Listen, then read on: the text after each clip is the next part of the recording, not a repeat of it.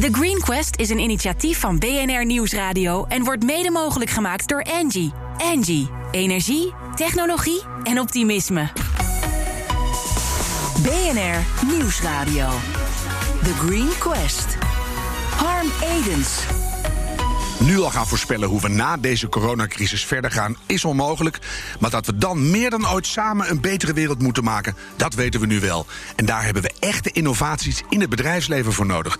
Dus die blijven we zoeken in de meest zinvolle zoektocht van Nederland, de Green Quest. We zijn inmiddels al een beetje gewend aan de nieuwe manier van werken. Ik sta in de studio, mijn gasten zitten thuis. Maar je gaat me niet horen zeggen dat dit het nieuwe normaal is. Over een kwartiertje bel ik met de nieuwste aanwinst in de Green Gallery, Nord Power. Daar werken ze aan een oplossing om de smerige uitstoot van diesel nu te beperken, terwijl we in de overgangsfase naar schone bronnen zitten. En in deel 1 gaat het juist over de toekomst van die energietransitie. Want de gamende pubers thuis, die nu met geen mogelijkheid meer van de bank af te krijgen zijn, zijn misschien wel de engineers die over een paar jaar de planeet gaan redden. Frank Gielen, Education Director van EIT Inno Energy. Jij zit in Gent, hoe gaat het daar in de Belg? Nou, we zitten allemaal lekker thuis uiteraard. En uh, we hebben veel tijd om te gamen en om online werk te doen. Ja. En uh, we proberen dat zo goed mogelijk te doen. Daar ga ik vanuit. Ben jij zelf een, ver, een ver, verwoed gamer? Nee, nee, maar ik heb wel een aantal mensen in de familie die heel veel en heel graag gamen. En dat ook uh, heel veel inspiratie brengen. Ja, jullie van uh, EIT Inno Energy, de, jullie zijn een onafhankelijke organisatie die de toekomst van de energietransitie probeert veilig te stellen. Wat, wat voor acties ondernemen jullie daartoe? Precies, wij doen in feite drie grote acties. En de eerste is, wij werken samen met innovatieve bedrijven om hun nieuwe diensten of producten rond hernieuwbare energie of sustainable energie naar de markt te brengen. Mm -hmm. wij, wij, investeren ook in bedrijven financieel en met, met coaching en, en advies. En de, het derde blok of het derde luik van onze activiteiten is het human capital. Dus wij vinden ook dat uh, de energietransitie niet zal gebeuren als er niet voldoende mensen mee vertrouwd zijn of daarmee overweg kunnen. Ja, ben jij bang dat als je uh, die aanstormende recessie die we nu gaan krijgen, als je die recht aankijkt, denk je dan dat we gaan vertragen wat betreft de energietransitie of misschien zelfs in de achteruit gaan? Of gaat het meevallen? Wat denk jij? Ja, wel, persoonlijk denk ik als we kijken naar de economische, het economisch herstelbeleid, is de energietransitie een van de enige lichtpunten die, waar we echt een plan voor hebben en waar we mee vooruit kunnen. En waar we ook onze toekomst mee veiligstellen. Dus er zou wel nog wel heel wat politiek uh, getouwtrek zijn om daartoe te komen. Mm -hmm. Maar ik denk dat het net een, uh, een versnellende factor zal zijn.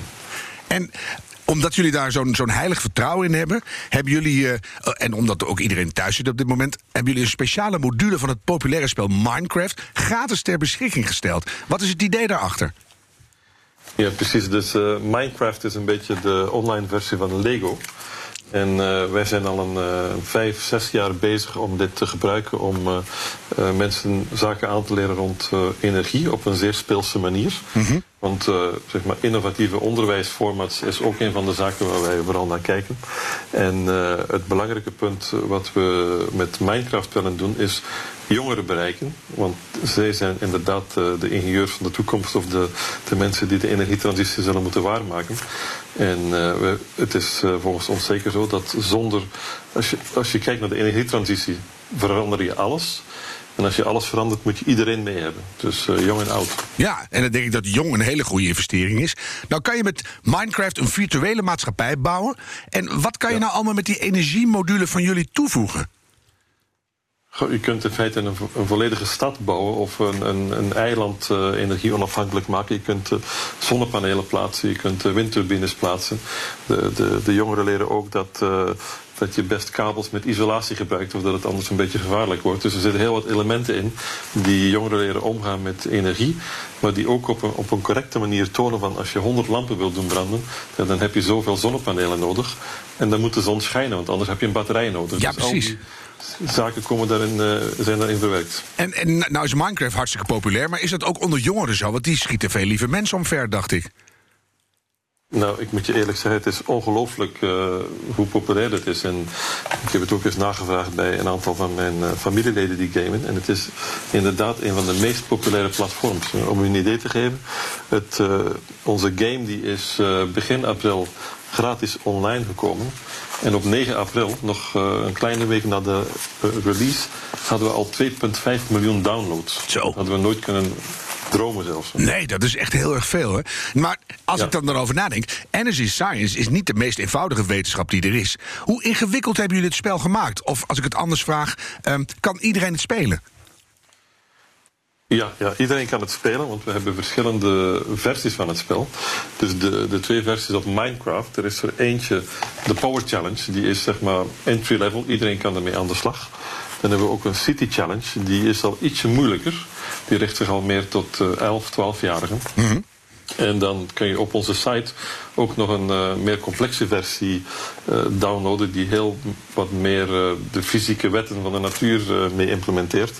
En die is meer voor de 14, 15-jarigen. Ja, ja, dus je kan ook langzaam simpel beginnen en dan steeds moeilijker en ingewikkelder te werk gaan. Dat klinkt heel erg goed. Ja, Is het nou allemaal gratis en voor niks te downloaden? Of zit er ook nog een, een, een trap achter dat je gratis kan beginnen, maar als je dan heel slim wil spelen, dan moet je toch wat betalen? Hoe, hoe zit het?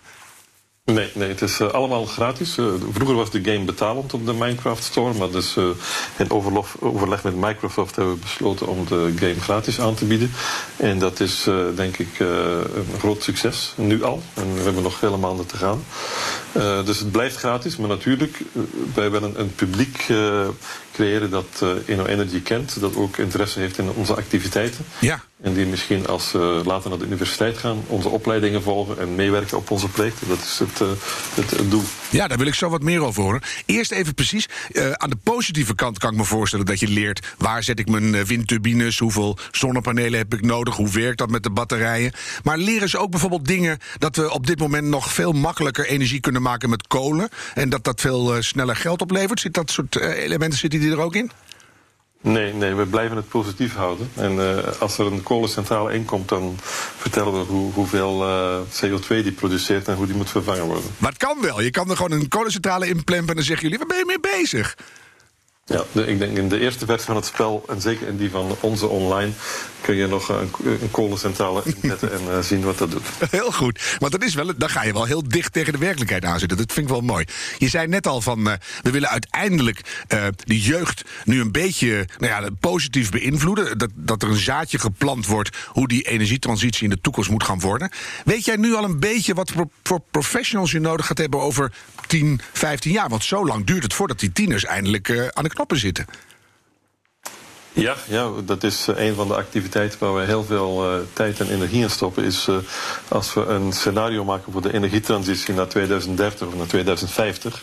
In functie van de technologie en de, ook de bedrijfsmodellen die er komen, proberen wij toch te achterhalen van welke zijn de skills en de competenties. En nog belangrijker, op welke manier moeten we die eh, mensen voor de toekomst opleiden? Is het klassieke verhaal van via universiteit of moeten we naar andere modellen kijken? Ja, en wat denk je Dus er daar nou? zijn wij echt al mee bezig. Ik ben eh, in Nederland ook eh, ambassadeur van Catapult. Dat is een, een, een club tussen bedrijfsleven, overheid en scholen. En dan merk je al dat het steeds meer hybride wordt. Hè? Dat het bedrijfsleven dingen vraagt en de overheid dingen stimuleert. En dat scholen Ja. iets aanbieden. En dan krijg je hele spannende eh, crossovers.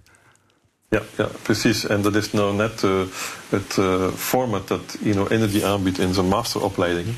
We gaan uit van challenges en niet van opleidingen of van vakken. We, we zoeken challenges bij bedrijven, bij overheden. En daar worden dan studenten opgezet. En tijdens het oplossen van de challenge le- doen ze ook de kennis op die ze nodig hebben om een goede energieingenieur te worden. En er zitten hele mooie projecten bij. Vorig jaar hebben we een, een eh, klein vissersdorpje in eh, Thailand op een eiland volledig energie-onafhankelijk gemaakt. Ja, en dan kan je dus ook als spelend zien van eh, die functie vind ik wel leuk en dat soort techniek dat is niks voor mij. Dus dan kan je al, al wereldverbeterend kan je ook al een beetje werken aan je eigen echte toekomst. Ja, precies. Want uiteindelijk zijn er, is er zoveel werk in de energietransitie dat het eh, toch wel aangeraden is om tijdens de opleiding al effectief ook zaken uit te voeren en niet enkel eh, schoolse projectjes uit te voeren. Ja, mooi idee. Op een iets hoger niveau, en dan gaan we een klein beetje de filosofie in, Frank. Eh, dit spel Ja. gaat nog steeds een beetje uit van een maakbare maatschappij. Maar er komt een gigantische coronarecessie aan. Hoe maakbaar is die wereld vanaf dat moment? En hoe helpt dat die energietransitie? Ja, dat is natuurlijk.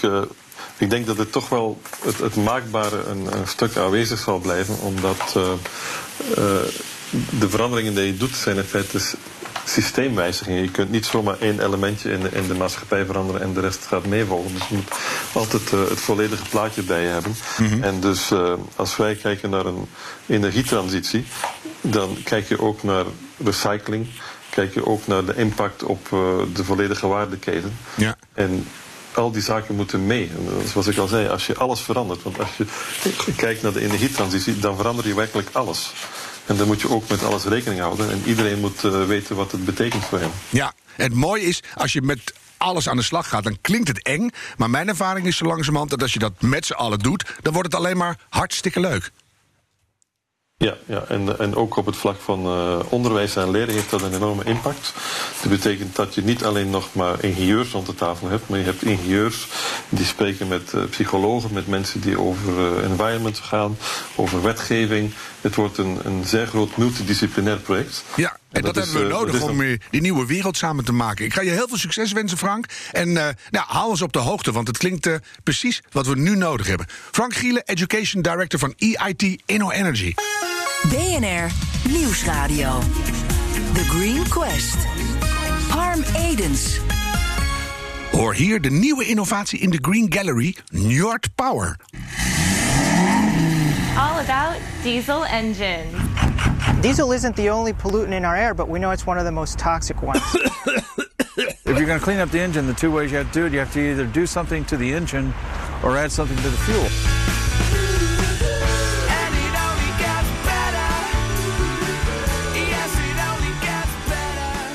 Jarob Verhoofd, managing partner van Njord Power.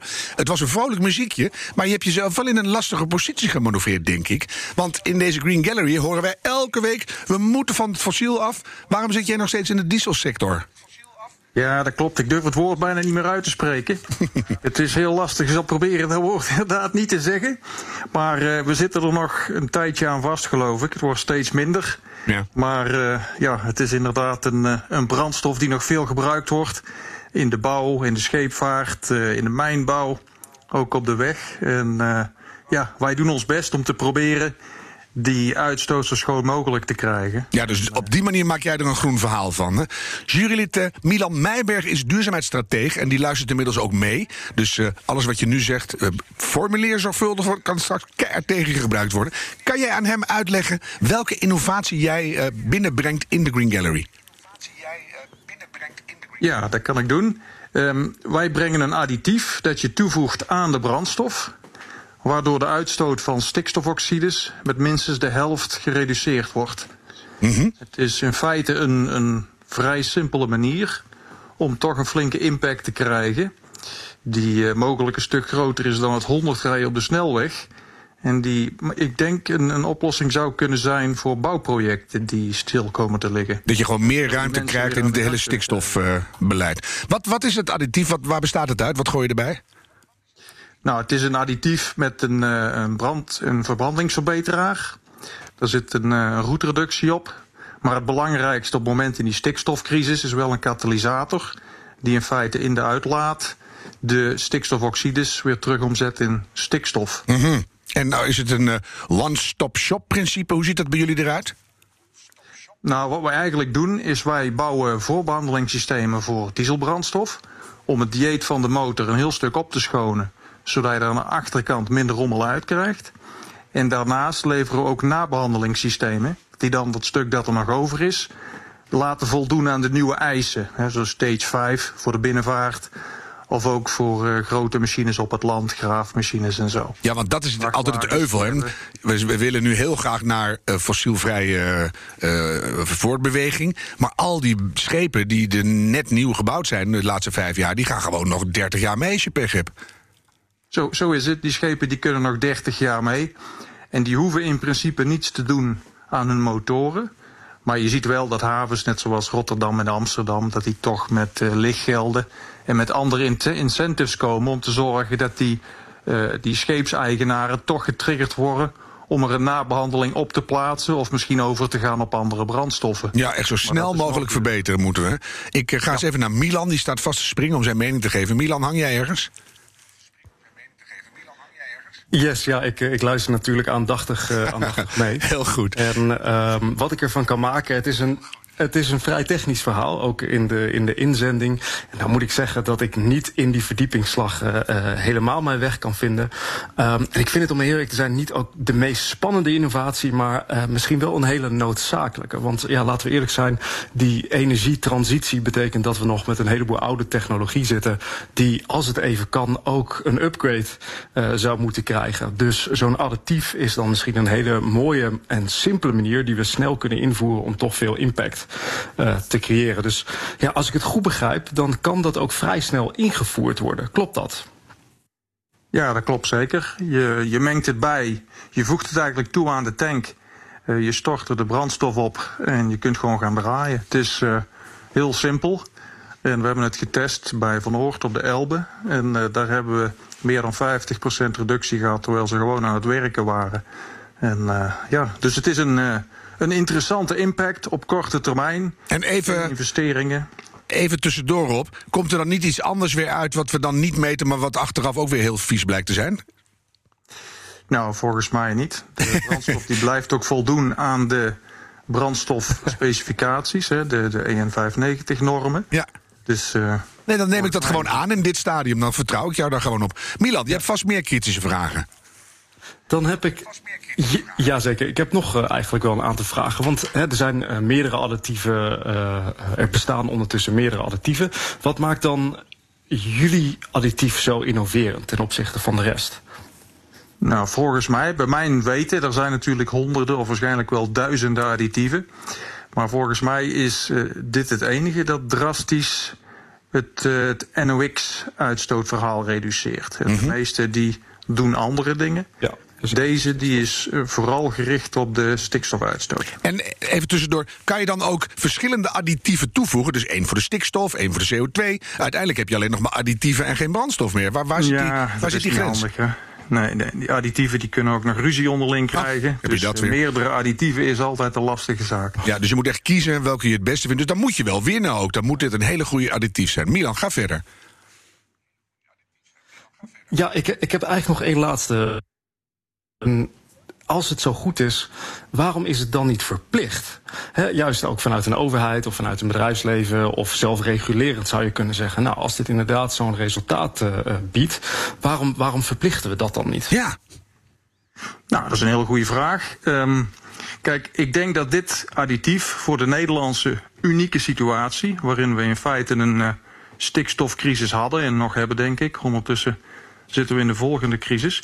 Maar uh, ja, dit is een additief dat daar een deel van tackelt. Je kunt 100 gaan rijden op de snelweg, dan reduceer je een paar procenten uitstoot. En uh, dit reduceert die uitstoot van stikstof veel meer. Hè. Dus ik denk dat dit in deze crisis juist interessant is. In het algemeen wordt er gekeken naar het halen van nieuwe normen.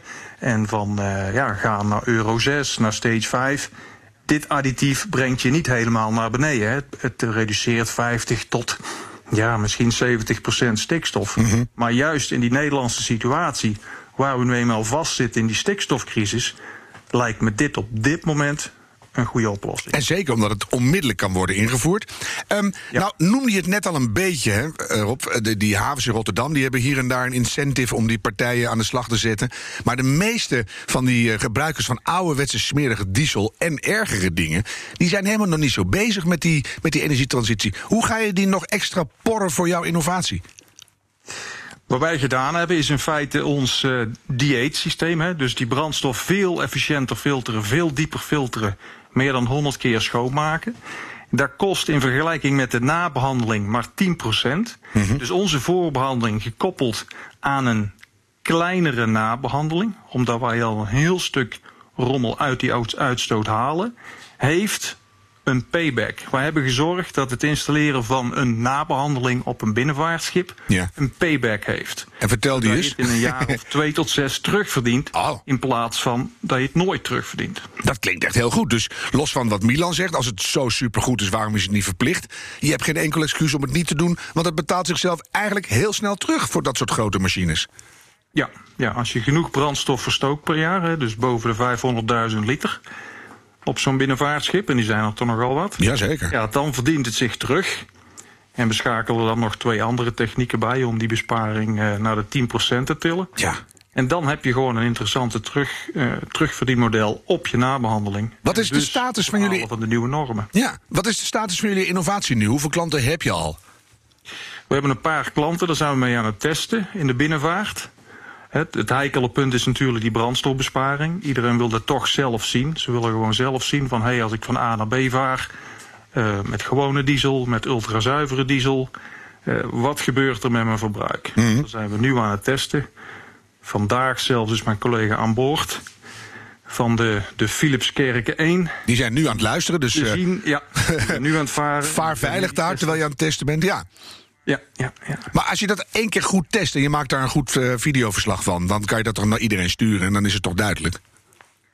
Ja, dat, eh, dat proberen we ook te doen natuurlijk. We zijn niet van plan om eh, op 100 schepen te gaan testen. Nee. Maar we hebben enkele binnenvaartschippers die toch wel, eh, ja, ja, ik zeg maar, eh, vooraan staan. Die, die, die wat eh, nieuws wel willen proberen. Die hebben we bereid gevonden te kunnen testen op hun schepen. Ja. En eh, daarmee hopen we dan ook later wat andere mensen ja, toch eh, over de streep te kunnen trekken. Dat Ja, ze dat komt zeker goed. snel Anders, die nabehandeling willen gaan doen. ja, anders ga ik ze gewoon bellen hoor. Maar als je even naar jouw toekomstbeeld kijkt... Hè, hoe zou die er idealiter uitzien?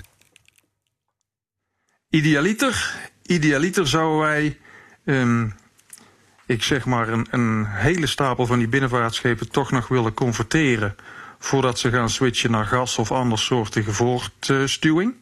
Hè, batterijen en zo klinkt allemaal wel heel erg mooi, maar ik denk dat het in de binnenvaart toch nog wel een aantal jaren weg is.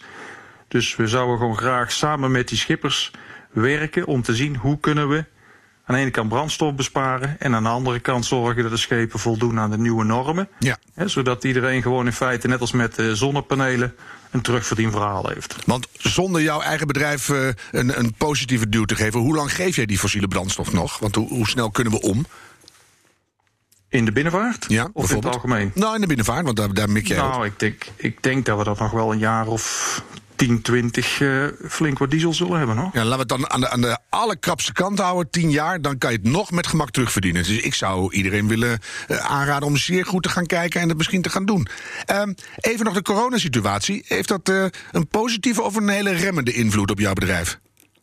Nou, wij draaien gewoon goed door op het moment. We hebben nog voldoende te werken. We hebben trouwens ook nog, als er nog even mag, een, een parallel ideetje ontwikkeld om te kijken hoe we die ultrafiltratie kunnen toepassen op corona. En we hebben nu in feite met een, eh, een luchtpomp, een masker en eh, wat filters eh, bereikt dat we meer dan duizend keer schonere ademlucht kunnen leveren aan medisch personeel in de zorg. En we Wauw. zijn nu het kijken of we in dat coördinatiecentrum van corona Ja. In Nederland. Dat we kunnen kijken of daar misschien een eh, mogelijkheid is om dan toch het kritische personeel een eh, flink lagere kans op infectie te geven dan met een mondkapje. Jeetje Rob, je bewaart het mooiste misschien wel voor het laatst. Zeker op dit moment. En wat zal Maurice de hond blij zijn. Ik ga je enorm bedanken. Veel succes met alles. Rob Verhoog, managing director van Njord Power. Dankjewel Milan Meijberg, duurzaamheidsstratege en ons jurylid. En natuurlijk Frank Gielen van de EIT Inno Energy. Kijk op thegreenquest.nl voor alle bedrijven in onze Green Gallery. Dat is een hele mooie lijst aan het worden. Terugluisteren kan via de BNR-app, Apple Music, Spotify en nog heel veel andere kanalen. En bedenk minstens één keer per week die volhoudbare wereld, die gaan we samen maken. Blijf gezond of word snel beter. The Green Quest is een initiatief van BNR Nieuwsradio en wordt mede mogelijk gemaakt door Angie. Angie, energie, technologie en optimisme.